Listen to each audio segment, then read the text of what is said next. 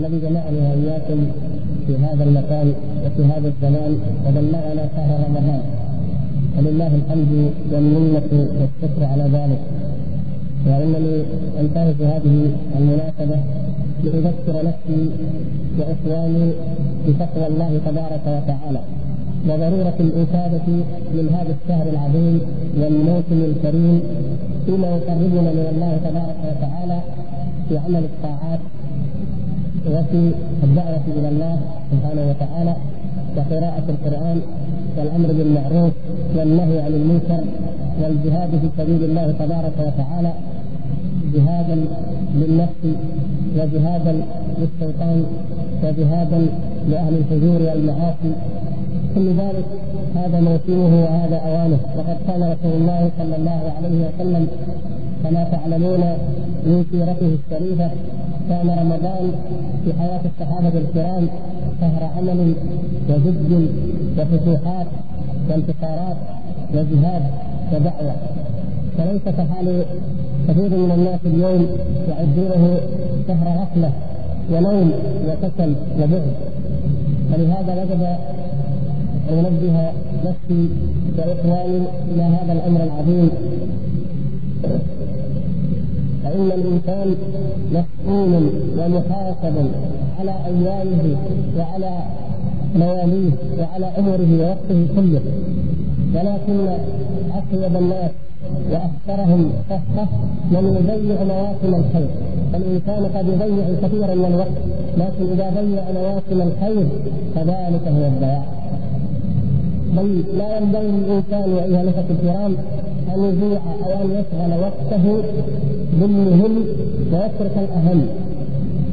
ولذلك فإنني قد قلت لبعض الإخوان وأقول لكم جميعا الآن ولعلي اكرر ذلك فيما بعد إذا شاء الله في وقت أوسع. أقول إن بعض الإخوان قد يكون إماما في المسجد وينتفع الناس به في شهر رمضان فيقبلون على دروسه وعلى مواعظه وتوجيهاته ويفيدون منه وربما استطاع أن يدعوه من الخير إلى صدقة إلى بر للمساكين إلى أمر مما لا يتوفر أو يتوفر في غير هذا الشهر العظيم. فأقول في هذه الحالة لا ينبغي للاخ ان ينصرف عن الدعوة إلى الله سبحانه وتعالى إلى غيرها وإن كان من الأعمال الفاضلة أيضا وإن كان فيه خير. تحرص على التواصل هذا الله.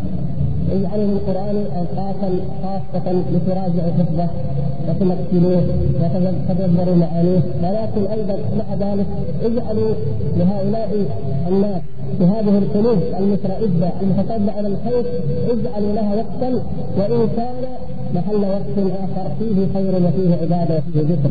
وكذلك الاعتكاف فإن بعض الإخوة يعتكف العشر الأواخر ويوكل في المسجد ويريد عنه من لا يقوم بحق الإمامة والصلاة.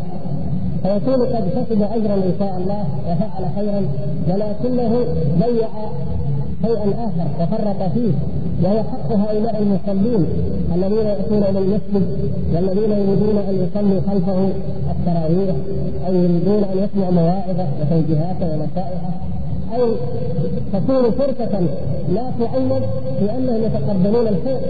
فربما أقبل على الخير في هذه العصر من كان أبعد الناس عنه في غيرها فإذا فقد الداعية المربي الناس الواعظ ولم يوجد في موسم وفي مرحلة الإقبال فإنه وإن جاء في فترة الإدبار لا يؤثر.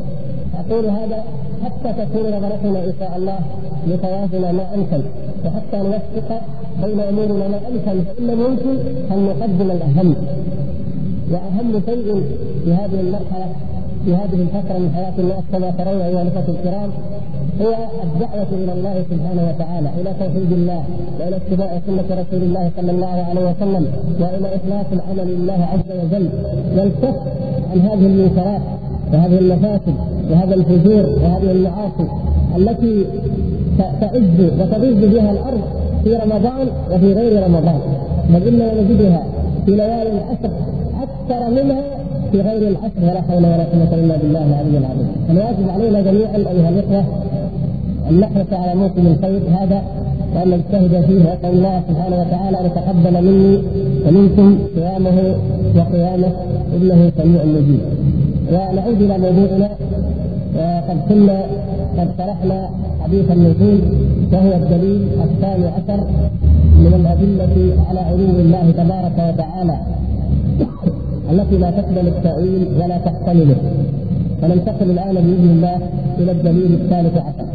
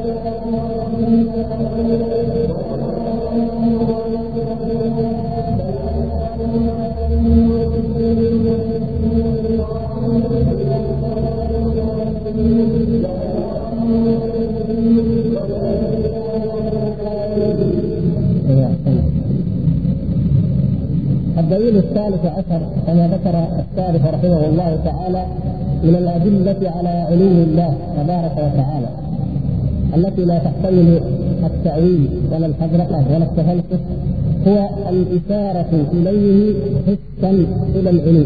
الإشارة الحسية في اليد بالإصبع إشارة حسية إلى العلو. الإشارة إلى الله تبارك وتعالى. فهذا مما أجمع عليه العقلاء وأهل الأديان جميعا. الإشارة إلى الله إن أشير إليه فإننا يشار إليه سبحانه وتعالى إلى جهة العلو وهي إشارة حسية ولماذا يقول الشيخ رحمه الله هنا حسا يعني بالحس بالأعضاء بالجوارح المشاهدة؟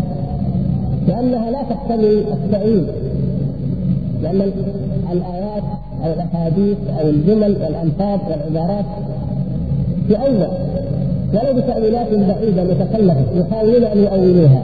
لكن ماذا أو بماذا يؤولون الإشارة بالإصبع هكذا إشارة محسوسة تراها الأعين ولا يمكن بأي حال من الأحوال أن تقبل التأويل إلا ممن كابر وفرد وخرج عن سواء الصراط.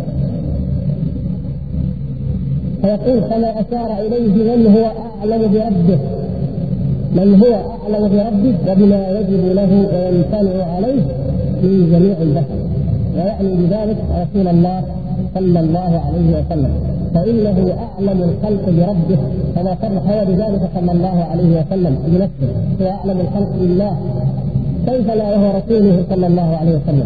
وهو وهو الرسول صلى الله عليه وسلم إلى العالمين وهو الذي رقى إلى سدرة المنتهى وهو الذي أطلعه الله تبارك وتعالى على الجنة وعلى النار. وهو الذي خاطبه ربه وخاطبه رسول ربه جبريل عليه السلام. وهو الذي أنزل الله تبارك وتعالى عليه الذكر. وهو الذي بعثه الله تعالى رحمة للعالمين. لا ترك خيرا قط إلا دلهم عليه. ولا ترك شرا قط إلا بينه لهم ونهاهم عنه. فإذا كان هذا حاله حال رسوله صلى الله عليه وسلم فلا أحد أعلم بالله من رسول الله صلى الله عليه وسلم. الذين يأتون في أبواب العقيدة ويقولون هذا يجب لله وهذا يجوز وهذا يمتنع من عند أنفسهم ويتركون سنته صلى الله عليه وسلم هؤلاء مستاتون على رسول الله صلى الله عليه وسلم مستدركون عليه كأنهم أعلم بالله من رسوله صلى الله عليه وسلم. يعني عبارة الشيخ هنا عندما يقول بما يجب له ويمتنع عليه. هذا لأن المتكلمين يا الإخوة المتكلمون يجعلون العقيدة في الله على ثلاثة أقسام. ما يجب لله وما يمتنع عليه وما يجوز في حقه. وهذا التقسيم باطل. هذا التقسيم نفسه باطل.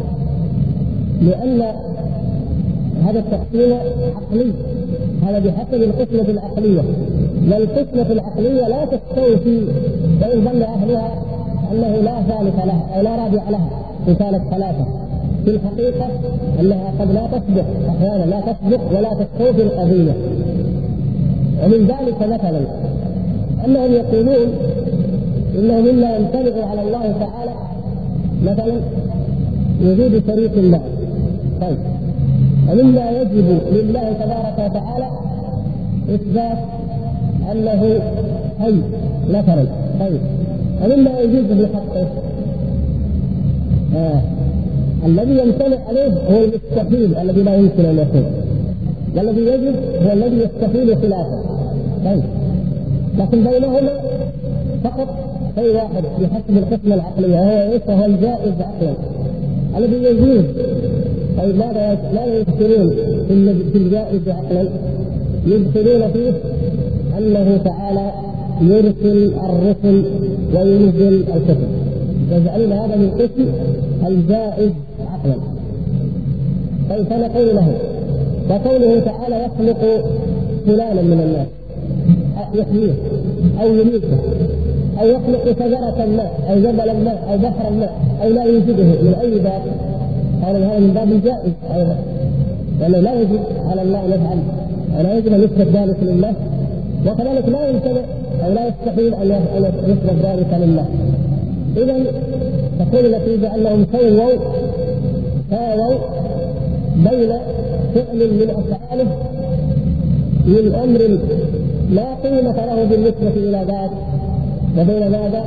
وبين إرسال الرسل اذا ماذا نستنتج من هذا؟ نستنتج من هذا أن الحكمة جانب الحكمة لا يدخل تحت القسمة العقلية. لأن حكمة الله سبحانه وتعالى تقتضي أشياء فهو يفعل أشياء بحكمته.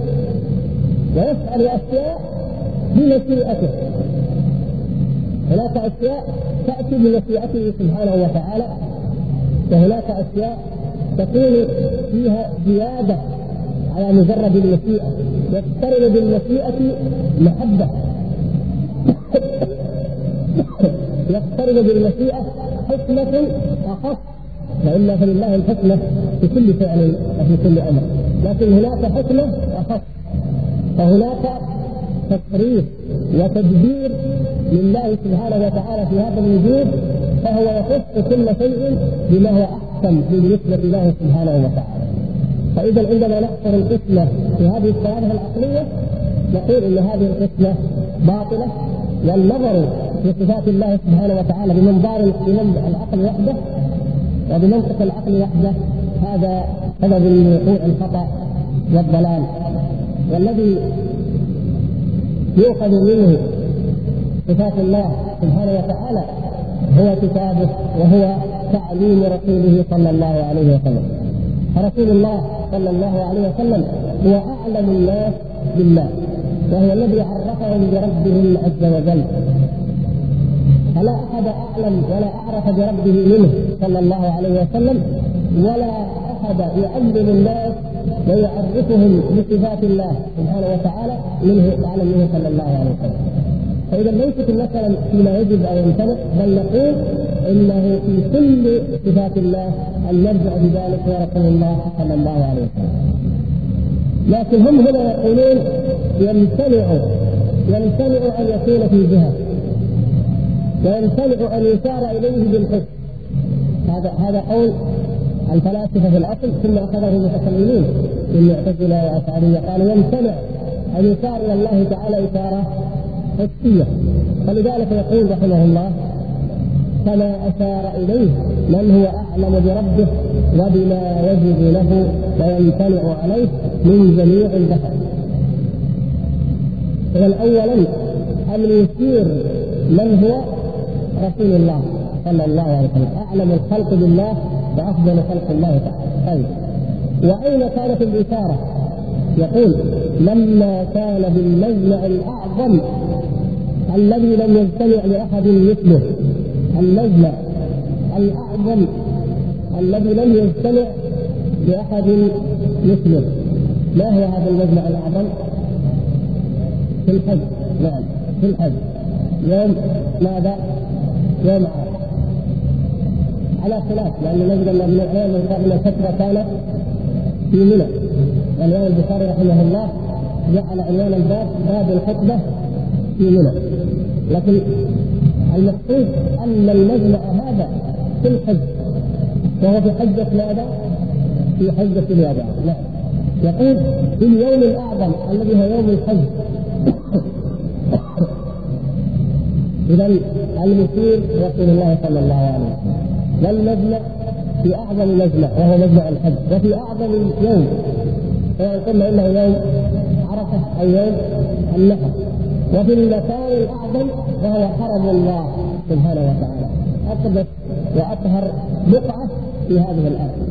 في هذا المكان وباجتماع هذه الخلال والصفات جميعا كانت الإشارة الحسية إلى الله تبارك وتعالى. عندما قال لهم رسول الله صلى الله عليه وسلم أيها الناس أنتم مسؤولون عني. فماذا أنتم قائلون؟ فماذا أنتم قائلون؟ بعد أن خطبهم ووعظهم تبين لهم حرمة دمائهم وأموالهم وأعراضهم وبين لهم النهي أن يقتتلوا من بعده حق البعض على البعض حتى بين حق الزوجة على الزوج. وحق الزوجة الزوج على الزوجة في تلك الخطبه العظيمة. بعد ذلك قال أيها الناس أنتم مسؤولون عني. فماذا أنتم قائلون؟ فلنسالن الذين أرسل إليهم ولنسالن المرسلين. في الايه الاخرى يقول ماذا أجبتم المرسلين. الله سبحانه وتعالى يسأل الناس يوم القيامة عن الرسل. وكل إنسان يسأل في قبره عن ماذا؟ عن ثلاث منها عن الرسول صلى الله عليه وسلم. ما كنت تقول في هذا الرجل؟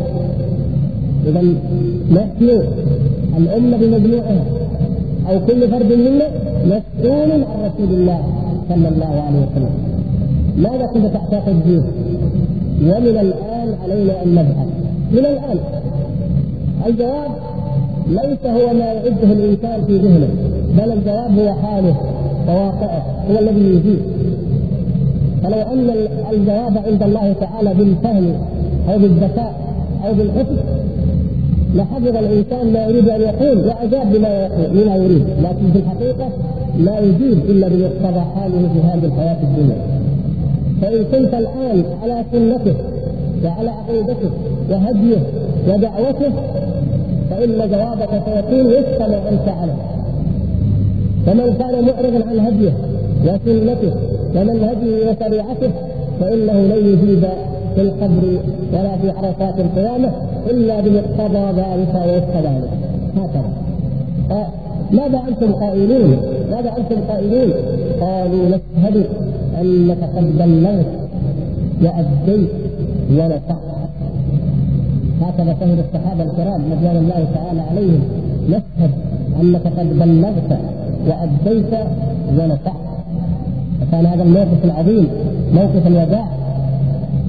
ولهذا سمى الناس الحجة حجة الوداع من وقتها لأنه صلى الله عليه وسلم ودع الناس وقال لعلي لا ألقاكم بعد عام هذا. وبالفعل لم يلقاه صلى الله عليه وسلم بعد عامه هذا بل إنه بعد منصرفه من حجة الوداع ببضع وثمانين ليلة تقريبا أدركه الاجل أو أكثر من ذلك. يقول الشيخ رحمه الله فرفع إصبعه الكريمة إلى السماء. فرفع إصبعه الكريمة إلى السماء.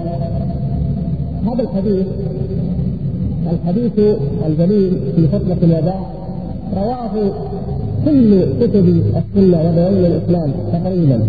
لكن هنا الرفع هل كان رفعا اليد أو كان رفعا بالراس الذي ورد في البخاري رحمه الله فقال رفع رأسه. رفع رأسه. في آخر كتاب الحج باب الخطبه بالمنى يقول البخاري رحمه الله في روايته قال رفع رأسه فقط ولم يقل إلى السماء. لكن قال الحافظ ابن حجر رحمه الله أما الحافظ الاسماعيلي في مستهاد زاد فقال إلى السماء. يعني الإمام البخاري رحمه الله قال رفع رأسه. في روايته ذكر في روايته رفع رأسه. فقيل أي رفع راسه إلى ما بينه الاسماعيلي إلى السماء. والرفع واضح أنه لا يكون وخاصة بذلك الموقف العظيم وفي مقام الاستشهاد لا يكون إلا كذلك. فكلمه الرفع في ذاتها تدل على أنه إلى السماء. لكن جاء الإسماعيلي رحمه الله فبين وروايته بينت ما اجمل وهو أن الرفع كان إلى السماء. وأما ما رواه الإمام مسلم من حديث جابر الطويل في صفة حج النبي صلى الله عليه وسلم الذي روى حجة النبي صلى الله عليه وسلم من أولها إلى آخرها تقريبا وشرحه الشيخ العلامة الألباني حفظه الله حجة النبي صلى الله عليه وسلم فإنه قال فيه فقال رواية حديث جابر في صحيح مسلم فقال بإصبعه السبابة يرفعها إلى السماء وينكتها يرفعها إلى السماء ثم ينكتها إلى القوم أو إلى الأرض. قال هكذا يعني الصحابي جابر رضي الله تعالى عنه يقول إن النبي صلى الله عليه وسلم قال وقال تاتي بمعنى فعل. قال تاتي بمعنى فعل. ويقول قال كذا يعني فعل كذا. فقال بيده هكذا واشار رفع السبابة وأشار بها إلى السماء يرفعها إلى السماء وينكتها اي ينكبها حسب الاختلاف في الضبط. ينكتها صحيح حتى ناحيه اللغة. يرفعها إلى السماء وينكتها ويقول اللهم اشهد. اللهم قد بلغت اللهم اشهد. أو اللهم اشهد. فالنبي صلى الله عليه وسلم اذا أشار إلى ربه تبارك وتعالى في ذلك المجمع العظيم بالسبابة. بالاصبع السبابه هذه. وأشار إلى السماء مخاطبا ربه يقول اللهم اشهد اللهم اشهد. فدل ذلك على أن الله تبارك وتعالى في السماء وأنه عالم على المخلوقات وفوقها جميعا بما لا يحتمل التأويل وهذه السبابة أيها الإخوة هي التي صح فيها الحديث كما رواه الإمام مسلم رحمه الله أن النبي صلى الله عليه وسلم كان يدعو بها. يدعو بها في التشهد في صلاته أيضا. فهي التي بها يتشهد الإنسان. ويقول أشهد أن لا إله إلا الله. يرفع يده مشيرا إلى السماء. فالمتشهد يقول أشهد أن لا إله إلا الله. وفي الدعاء يدعو أيضا في تشهده يدعو الإنسان في تشهده بها. وكذلك يدعو في اي موضع. نعم. في خطبة الجمعة. نعم. فكذلك يدعو بها. فهي بها الإشارة إلى الله تبارك وتعالى وبها أيضا الدعاء له سبحانه وتعالى. من ضمن من ضمن ما يدعى وإلا فإن حديث رفع اليدين قد تقدم والأيدي اليدين ترفعان في مواضع كثيرة. بل الأصل الأصل في الدعاء هو رفع اليدين. نعم لكن أيضا يدعى بهذه السبابة وكذلك يشار بها. ولهذا في حديث آخر الصحيح ان النبي صلى الله عليه وسلم لما رأى بعض الصحابه وهو يشير في صلاته. يدعو باصبعيه قال له أحد أحد أحد أحد. يعني ادعو واسر باصبع الواحد لأن الاشاره إلى من؟ إلى الله. والدعاء إلى لمن؟ إلى الله. يدعى الله ويشار إليه سبحانه وتعالى. فلهذا قال له أحد أحد. يعني اسر وادعو باصبع واحد وهي السبابة كما بين ذلك فعله صلى الله عليه وسلم كما في رواية جابر هذه وكما بينت في الأحاديث الأخرى غير ذلك. ثم يقول رحمه الله تعالى ورضي عنه ويرضاه فكأنا نشاهد تلك الإصبع الكريمة وهي مرفوعة إلى الله. كل من يؤمن بالله من يؤمن برسول الله صلى الله عليه وسلم ومن يؤمن بعدالة الصحابة رضوان الله تعالى عليهم وصدقهم ونقلهم يؤمن بهذا كأنه يراه كأنه يراه رأي العين وإن كان بينه وبين القرون الطويلة فكأننا نشاهد تلك الإصبع الكريمة وهي مرفوعة إلى الله. يعني كل واحد منا الآن مما نقل الينا نقله الينا الثقات الاحداث من الصحابة ومن بعدهم رضوان الله تعالى عليهم. كأن نرى رسول الله صلى الله عليه وسلم حقا رأي العين وهو يرفع يده الكريمة وهو يرفع إصبعه الكريمة إلى الله مشيرا إلى ربه عز وجل. ويقول وذلك اللسان الكريم. يعني وكأننا نشاهد ذلك اللسان الكريم لسانه صلى الله عليه وسلم. وهو يقول لمن رفع اصبعه إليه أو لما رفع اصبعه إليه. اللهم اشهد يعني لمن؟ معناها لله. يعني يقول لمن رفع اصبعه إليه. يعني يقول لربه عز وجل لما رفع اصبعه إليه. يقول له اللهم اشهد فالخطاب لمن؟ لله سبحانه وتعالى. رفع اصبعه إليه وخاطبه قائلا اللهم اشهد وليس بعد ذلك حجة ولا شبهة لصاحب شبهة أو مجادله ونشهد أنه بلغ البلاغ المبين. ونشهد نحن المؤمنين جميعا. وإن تباعدت بنا القرون والاجيال والأعصار نشهد أنه بلغ البلاغ المبين. كما شهد له بذلك أصحابه الكرام. يعني السادة رحمه الله يقول نتصور كأن في ذلك الموقف وكأننا نرى النبي صلى الله عليه وسلم وهو يرفع إصبعه الكريمة مخاطبا ربه الكريم سبحانه وتعالى. ويقول اللهم اشهد ونحن أيضا نقول أو نقر ونصدق بأنه صلى الله عليه وسلم قد بلغ وادى ونصح كما نطق بذلك الصحابة الكرام. لاننا على آثاره سائرون فنشهد بما شهدوا به ونقر بما أقروا به ونصدق بما صدقوا به من أنه صلى الله عليه وسلم بلغ وادى ونصح ونشهد أنه بلغ البلاغ المبين الذي ليس بعده بلاغ ولا شبهة ولا حجة إلا الحجة الداحضة. للكافرين والمجرمين. وأدى رسالة ربه كما أمر أو كما أمر كما أمر ربه يعني. أو كما أمر الرسول صلى الله عليه وسلم. ولا شك أنه أدى ذلك صلى الله عليه وسلم. فقد خاب وخسر وكذب من ادعى أن رسول الله صلى الله عليه وسلم كتم شيئا من الدين. كما قالت ام المؤمنين عائشة رضي الله تعالى عنها في الحديث الثابت الصحيح الذي تقدم معنا أكثر من مرة في باب الرؤيا وغيره من قال لك إن محمدا صلى الله عليه وسلم كتم شيئا مما أنزله الله تعالى عليه فقد أعظم على الله الفريه من زعم أو ادعى أن النبي صلى الله عليه وسلم كتم شيئا مما أنزله ربه عليه فهذا قد كذب على الله. ليس فقط على رسول الله. كذب على الله وأعظم على الله الكريه وهل وجد في ذلك الزمن المتقدم من يقول إن النبي صلى الله عليه وسلم كتم شيئا؟ معقول في عهد الصحابة رضي الله تعالى عنهم يوجد إنسان يدعي أو يزعم أن النبي صلى الله عليه وسلم كتم شيئا من الحق أو كتمه اصحابه يوجد ذلك. لا يوجد. وجد ذلك. لأن الشيطان واعوان الشيطان في كل زمان ومكان.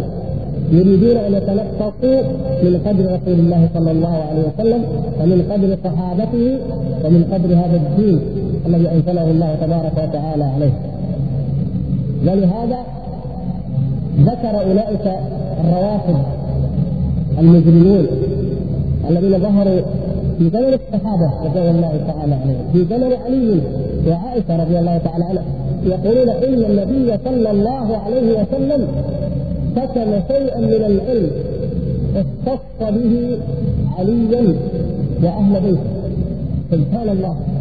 النبي صلى الله عليه وسلم الذي بعثه الله رحمة للعالمين والذي أنار به قلوب الناس أجمعين والذي دخل في دينه من كل لون ومن كل قبيلة ومن كل جنس ولا فرق. هو صلى الله عليه وسلم يصبح وكأنه ملك من ملوك الدنيا يختص أهل بيته بما لا يكفي بقية الناس. نعوذ بالله من هذا السوء من سوء الظن بالله وبرسوله صلى الله عليه وسلم. وهذا من الكفر البياع هذا القول من الكفر البياع. فمن قاله أو اعتقده فقد كفر بالله وكفر برسوله صلى الله عليه وسلم. ومعنى معنى كلامه مقتضاه أن النبي صلى الله عليه وسلم لم يطع ربه في امره له بأن يبلغ بلغ ما أنزل إليك من ربك. وإن لم تفعل فما بلغت رسالته. ما بلغت. إذا الرسالة لم تبلغ إذا كان الرسول صلى الله عليه وسلم فعل ذلك فالرسول لم يطع ربه والرسالة لم تبلغ. اذا دين الإسلام باطل. الدين كله باطل. الرسالة التي لم تبلغ جميعا كلها باطلة. اذا هي باطلة. وهكذا يريدون. هذا هو ما يريدون. ولهذا زعموا أن النبي صلى الله عليه وسلم اختص عليا وآل البيت بشيء من العلم. الذي يسموه واصله الجفر. علم الجفر وقالوا يعتقدون ويفهمون حسب خرافتهم الفاسدة انه مع صاحب السرداب في السرداب. والصوفية والباطنية ومشرب الجميع واحد وموردهم متحد قالوا إن النبي صلى الله عليه وسلم كان يختص بعض الصحابة بالعلم الباطن بالعلم اللدني ولم ينشر ولم يبث إلا العلم الظاهر علم الشريعه أما علم الحقيقة بزعمهم فإنه كان يختص به البعض وكتمه عن سائر الأمة. ويذكرون في ذلك الكلام العجيب المكذوب والذي ليس له أصل. ان أن عمر بن الخطاب رضي الله تعالى عنه يقول كان النبي صلى الله عليه وسلم يتكلم هو ابو بكر وكنت كالزيدي بينهما. لا يفهم سبحان الله. يعني حتى حتى لو ما كان يدرك المعاني لا يفهم الألفاظ. عمر رضي الله تعالى عنه الذي النبي صلى الله عليه وسلم نفسه ذكر أنه في عهده يضرب الدين بجيرانه وأنه تستحيل الخلافة غربا. كما في روايه صلى الله عليه وسلم استحالت غربا كبير فلم ارى عبقريا يسري قرية. هذا الذي نشر دين الله وهذا مملكتي كسرى وقيصر. نشر الدين الذي جاء به محمد صلى الله عليه وسلم أو نشر فقط البدع الظاهر كما يقال. ولم يدري ولم يعرف من العلم الحقيقي والعلم اللدني والعلم الباطن شيئا. كان تجديدي سبحان الله. هكذا يكذبون على الله وعلى رسول الله وعلى أبي بكر وعلى عمر وعلى علي. ولهذا لما سئل علي رضي الله تعالى عنه نفسه هو نفسه سئل هل خصكم رسول الله صلى الله عليه وسلم بشيء من العلم؟ والحديث متفق عليه ورواه كثير من دين السنة. قال ما والذي خلق الحبه وبرأ النسمه يقسم علي رضي الله تعالى عنه. يمينا بالذي خلق الحبه وبرأ النسمه ما خصنا رسول الله صلى الله عليه وسلم بشيء من العلم. من الناس يعني. إلا ما في هذا الكتاب. فأخرج كتابا من كلام سيفه وإذا فيه الديات العقل وديات الفتاة ديات الاسير والا يقتل مؤمن بكافر على اختلاف الروايات كلها مضمونها أنه كتاب كتبه النبي صلى الله عليه وسلم في المعاقبة أو المعاهدة عندما عاهد اليهود وأهل المدينة. فعاهدهم أن لا يروى محدث وأن تكون فيه الديات العاقله وأن لا يقتل مسلم بكافر. وهذه احكام ظاهرة معلومه وقد بلغها النبي صلى الله عليه وسلم للناس جميعا. لكن علي رضي الله تعالى عنه اختص بماذا؟ أنه اطلع على الكتاب. يعني وقع بيده الكتاب فاحتفظ به. والا فالامر العلم الذي فيه مسبور بالفقه أو فهما في كتاب الله الفهم الذي يفهمه الإنسان في كتاب الله. لا يختص لا بعلي رضي الله تعالى عنه ولا بغيره بل قد يأتي في آخر الزمان. من يفهم من كتاب الله ما لم يفهمه أحد من قبله ولا غرابة في ذلك. إذا يا إخوان نحن نشهد كما قال الشارع رحمه الله نشهد أن رسولنا صلى الله عليه وسلم بلغ الأمانة وأدى الرسالة ولم يكتم شيئا من الحق ولم يختص به طائفة دون أخرى لغرض من الاغراض كما يزعم أولئك المبطلون ونشهد ونقر بأن من افترى على رسول الله صلى الله عليه وسلم أنه كتم شيئا من الدين أو أنه خص بأمر من أمر الدين بل هو أعظمه كما يزعمون أعظم الدين خص به أقواما لا كتمه عن سائر الأمة ونشهد أن هذا من الكفر البواح الذي لا يقوله مؤمن بالله ولا برسوله صلى الله عليه وسلم. نسأل الله العفو والعافية. يقول وأنه ونشهد أنه بلغ البلاغ المبين وأدى رسالة ربه كما أمر ونصح أمته غاية النصيحة فلا يحتاج فلا يحتاج مع بيانه وتبليغه وكشفه وإيضاحه إلى تنطع المتنطعين وحذلقة المتحذلقين مثل ماذا؟ مثل ماذا تنطع المتنطعين وحذلقة المتحذلقين؟ عندما يقولون لا نثبت العلو ولا نشير إليه حسا قالوا لماذا؟ قيل لهم لماذا؟ قال لأن هذا فيه إشارة الإشارة إليه حسا. فيه إشارة أو فيه دلالة على أنه يثني وعلى أنه يشبه الأجسام وعلى أنه في جهة وعلى أنه وآخر يتحدثون قالوا لا. ننزه الله تعالى عن هذه الأمور. طيب ننزهه عن المشابهة المخلوقات. نعم ليس كمثله شيء ننزهه عما يليق به عما لا يليق به. نعم ننزهه لكن قالوا لا ننزهه عن الإشارة إليه. سبحان الله. كيف النبي صلى الله عليه وسلم بنفسه أشار فأنتم تنزهونه أي شيء فعله رسوله صلى الله عليه وسلم. إذا هذا هو الباطل. أما إن كان مرادكم اللوازم اللوازم الباطلة فهذه اللوازم باطلة من غير نفي الإشارة.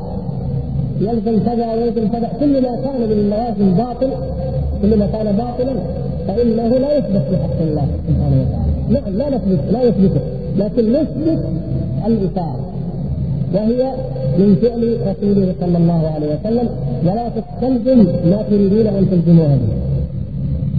والحمد لله رب العالمين. نعم وبذلك يكون قد انتهى الدليل الثالث عشر. نقرا الدليل الرابع عشر.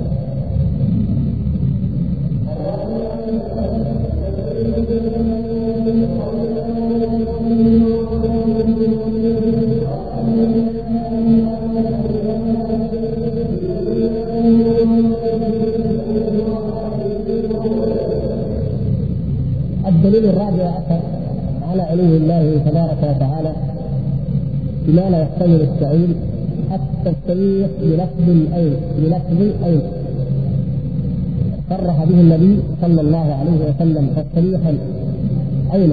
كقول أعلم الخلق به. من هو؟ نفس الشيء النبي صلى الله عليه وسلم. وأنصحهم لأمته. جاب ثلاث ثلاث عبارات. جاء بها الشارع رحمه الله. الأولى أعلم الخلق به. كقول أعلم الخلق به. اذا هو اولا أعلم الخلق به. فإذا وصف ربه بشيء فهو أعلم به من كل احد سواه والأمر الثاني العبارة الثانية وأنصحهم لأمته. هل يمكن أن يغش نبي أمته؟ لا والله. لا ابدا. ولا يمكن. فكيف برسول الله صلى الله عليه وسلم؟ ابدا. فالغش فيما يقع إلى أنه قال لهم في الله خلاف الحق. جعلهم يعتقدون في الله خلاف الحق هذا أعظم الغش الناس اليوم ينظرون إلى إنسان يبيع الفواكه ويحط المستوي فوق والمخمس تحت. غشاش هذا غشاش هو آخر ما هو هذا الغشاش الحقيقي؟ هذا غش لا شك. أعظم منه غشا الذي يقول الناس الذي يقول للعامة هذا دين الله وهذا شرع الله. وهذا أمر الله وهو ثابت يأتيهم بالآراء والجهالات والضلالات والبدع ويجعلها هي دين الله ويأتي إلى السنن وإلى أوامر الله وإلى دين الله ويقول هذا ليس من الدين هذا تنفع هذا تطرف هذا غلو هذا قصور هذا ليس من الدين. هذا الغشاش الأكبر لأنه ما غش الناس في طعام اكلوه وذهب وانتهى غشهم في أعظم شيء وهو عقيدتهم. وهو دينهم الذي يعتقدونه وهو الذي به يرجون عند الله تعالى الفوز في الدنيا والآخرة. غشهم في هذا. النبي صلى الله عليه وسلم أنصح الخلق للأمة. أيغشه أيسأل عن ربه بلفظ وهو يريد سواه أيأتيهم بكلام ولا يبين معناه صلى الله عليه وسلم. يعقل هذا. نحن كما قلنا يا إخوان نحن والحمد لله نقرا هذا النور المبين ولا ولا شك عندنا فيه لكن اقرأوا أي كتاب من كتب علم الكلام. واسمعوا ما يقوله أولئك عندما يريدون أن ينزهوا الله. ينفون عن الله تعالى علوه. ينفون عنه العين كما يقولون. ولا يسأل عنه بعين تنزيها له كما يقولون عن الزمان والمكان. لو نظرتم إلى هؤلاء لعجبتم على من يفترون. وعن من يترفعون. على من؟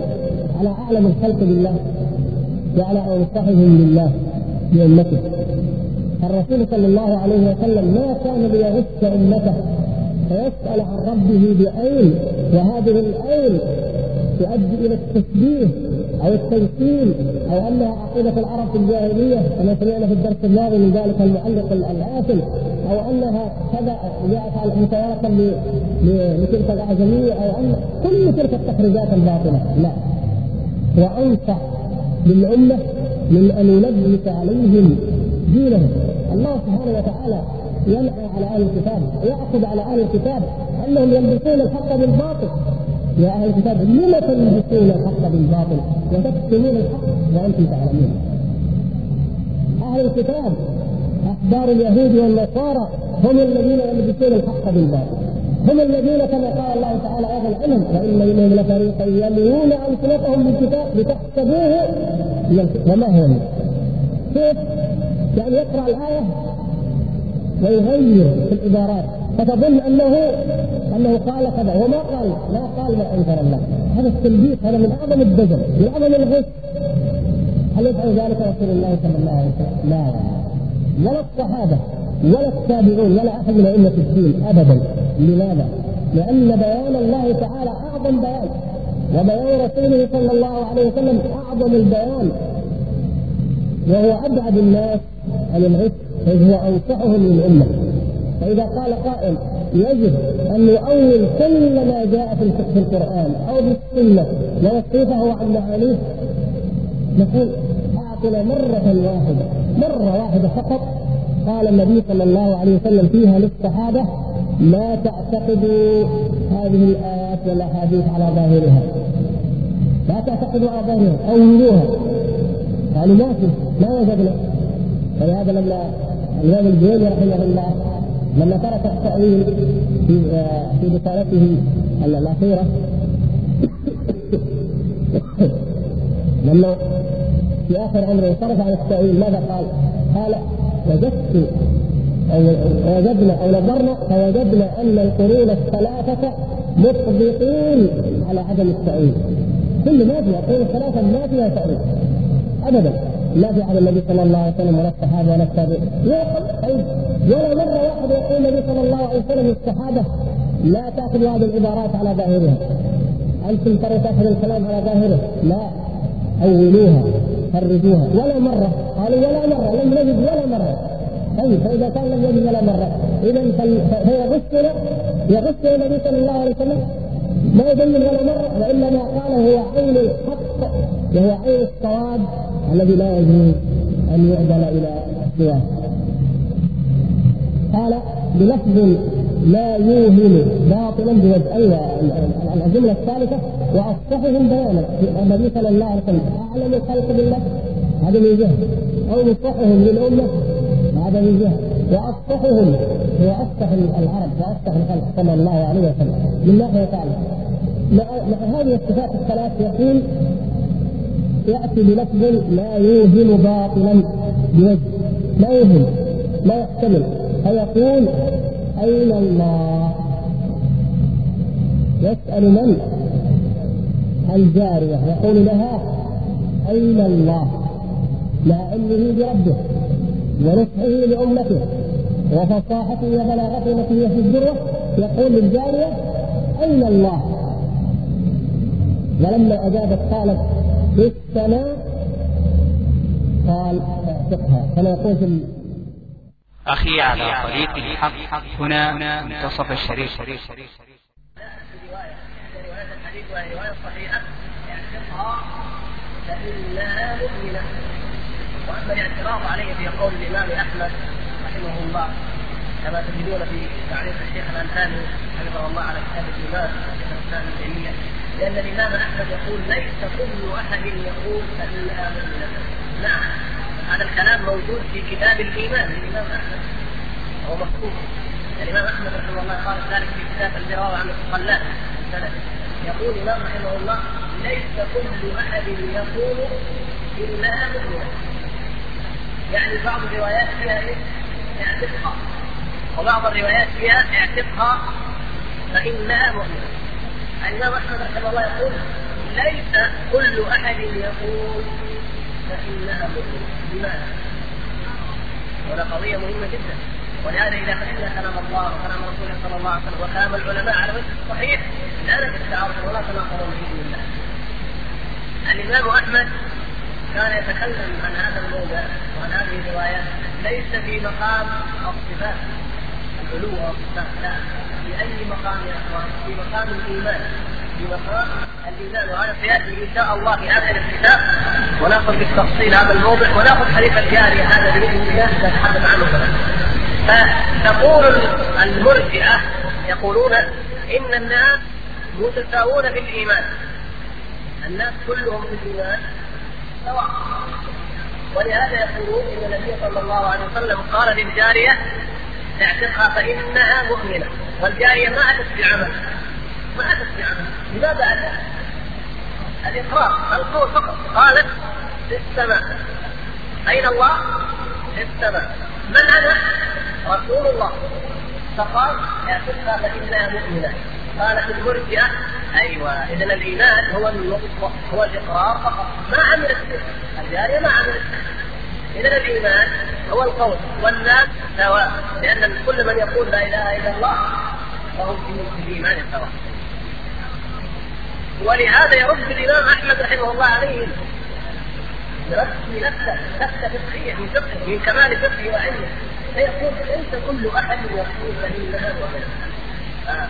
يعني ليس كل الرواة رووا فإنها مؤمنة. الرواية صحيحة أيوه.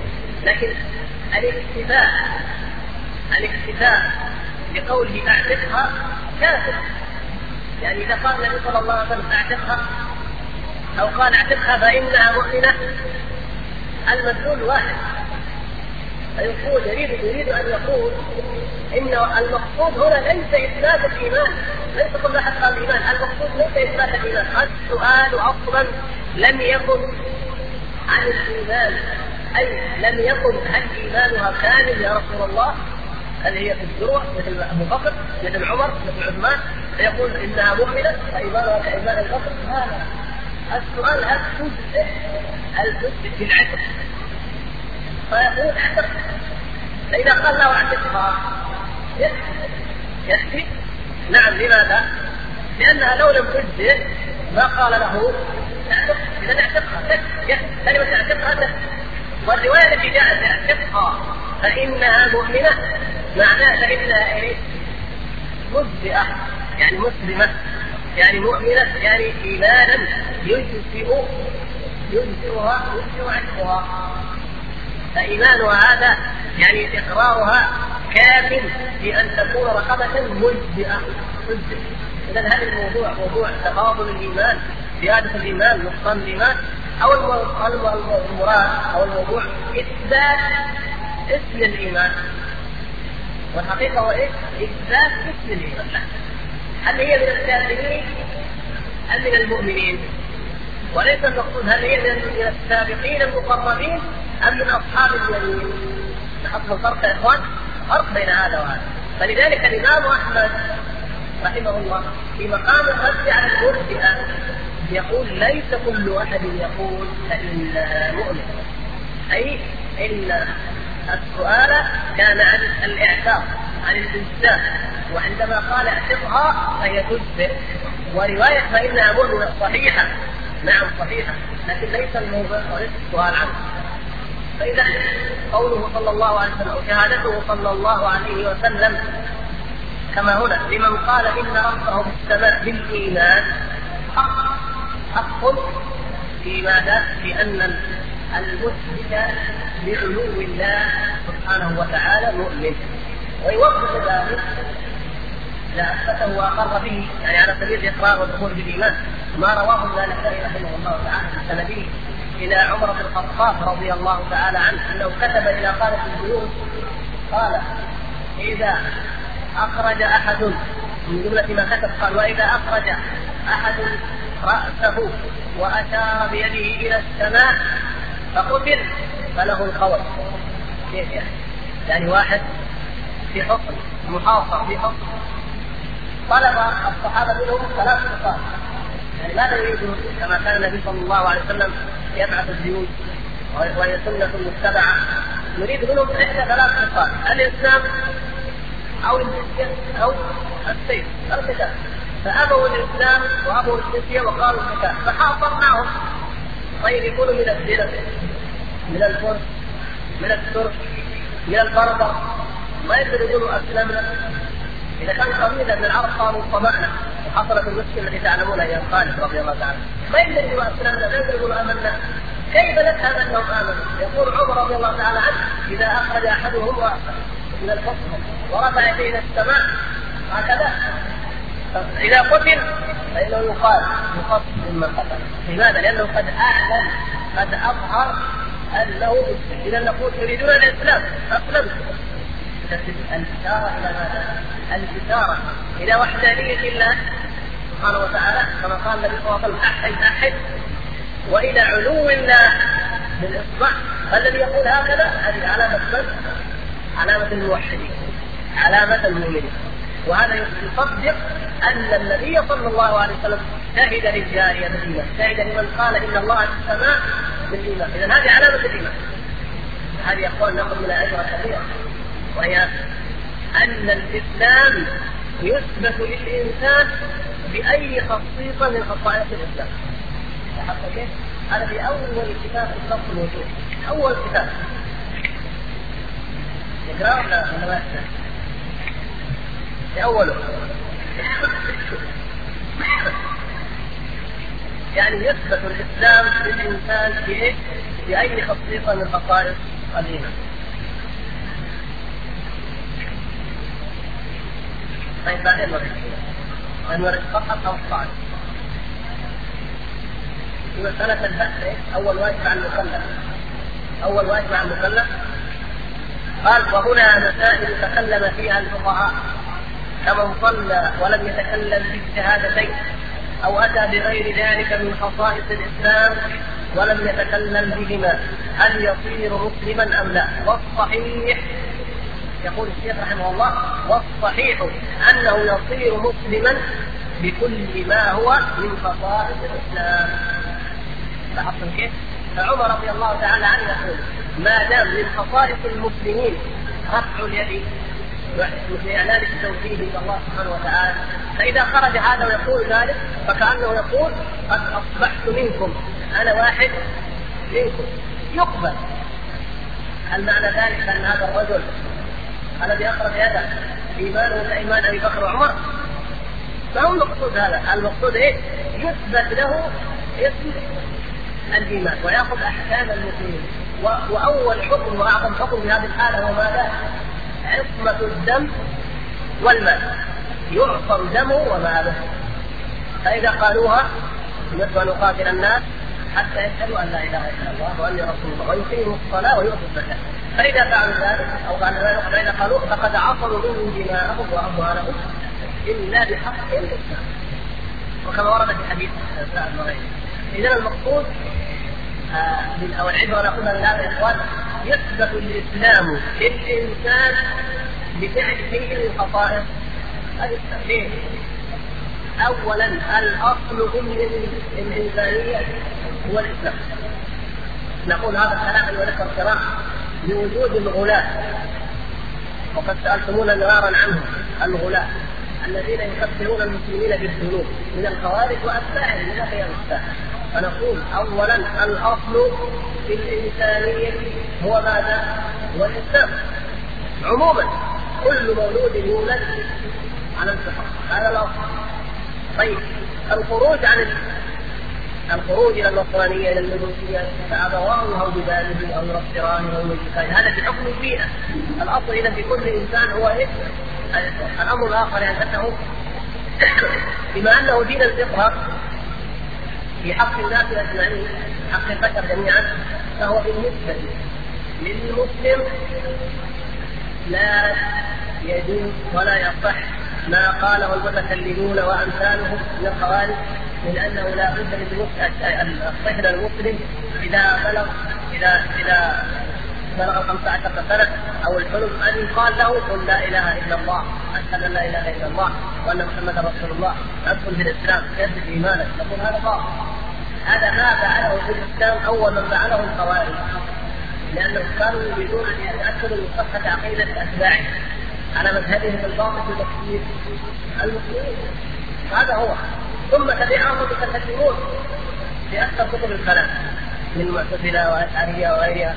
ويقول الصحيح أن المسلم مولود على الإسلام والطفل المسلم يولد على الفطرة وأبواه ما قال النبي صلى الله عليه وسلم يسلمانه. قال كذا إذا حتى ما يسلمانه حتى ما يقولوا له. وإنما يعلم طبعا يعلم الصلاة يعلم الدين يعلم العقيدة هذا يعلمه. لكن هو في الاصل مسلم ويبقى كذلك. فإذا قلت للطفل قل أشهد أن لا إله إلا الله. هل تقولها لتدخله في الإسلام؟ ام تؤكده وتعلمه؟ أي من باب التأكيد. والتعليم ليثبت ذلك ويتعمق لا من باب أن تعطيه دينا تعلمه عقيدة جديدة عليه. لا هي في الفطرة موجودة. وينبني على ذلك أن لا يحكم بكفر أحد إلا من كفره الله ورسوله صلى الله عليه وسلم.